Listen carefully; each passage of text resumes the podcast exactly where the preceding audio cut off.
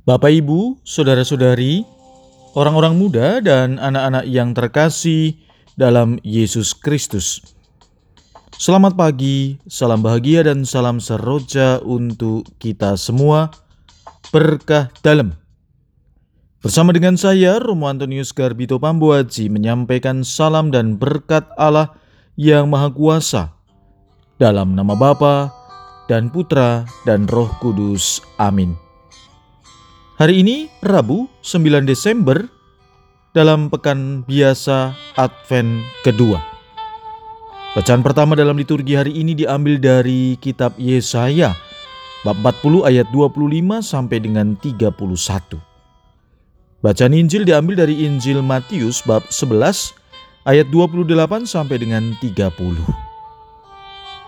Sekali peristiwa bersabdalah Yesus, Datanglah kepadaku kalian semua yang letih lesu dan berbeban berat.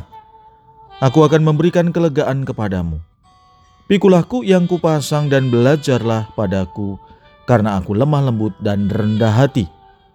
Maka hatimu akan mendapat ketenangan, sebab enaklah kuk yang kupasang dan ringanlah bebanku. Demikianlah sabda Tuhan, terpujilah Kristus.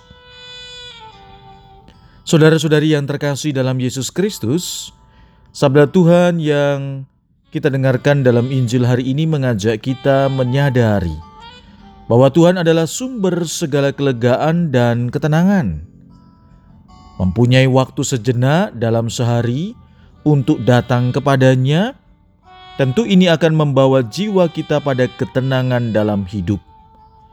Jiwa yang tenang akan menjadikan hidup kita juga tenang dan tentu banyak berbuah.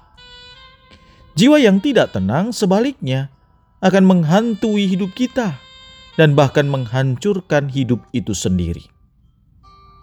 Saudara-saudari, datang kepada Yesus yang memberi ketenangan jiwa perlu dilakukan secara rutin, bukan hanya pada saat-saat tertentu saja, bukan hanya pada saat kita membutuhkan Dia kesetiaan, dan ketekunan datang kepadanya akan membuahkan ketekunan jiwa yang tenang. Kita perlu untuk mendapatkan ketenangan, maka datang kepadanya menjadi jalan yang paling luhur untuk mendapat ketenangan yang sesungguhnya. Tawaran dari dunia mungkin memberi ketenangan juga, namun ketenangan itu sifatnya sesaat sementara. Yesus menawarkan ketenangan yang bersifat kekal, ketenangan yang membawa kita pada ketenangan jiwa, bukan hanya sekedar ketenangan pikiran dan raga. Sebagai orang beriman, semoga kita mampu mempunyai ketenangan jiwa, entah apa pun pekerjaan dan tanggung jawab hidup kita masing-masing. Semoga kita mampu mempertanggungjawabkan hidup kita baik di hadapan sesama maupun di hadapan Tuhan yang memberi hidup pada kita. Marilah kita berdoa. Kami yakin sabdamu hari ini sungguh nyata karena hanya melalui engkau kami selamat dan tenang.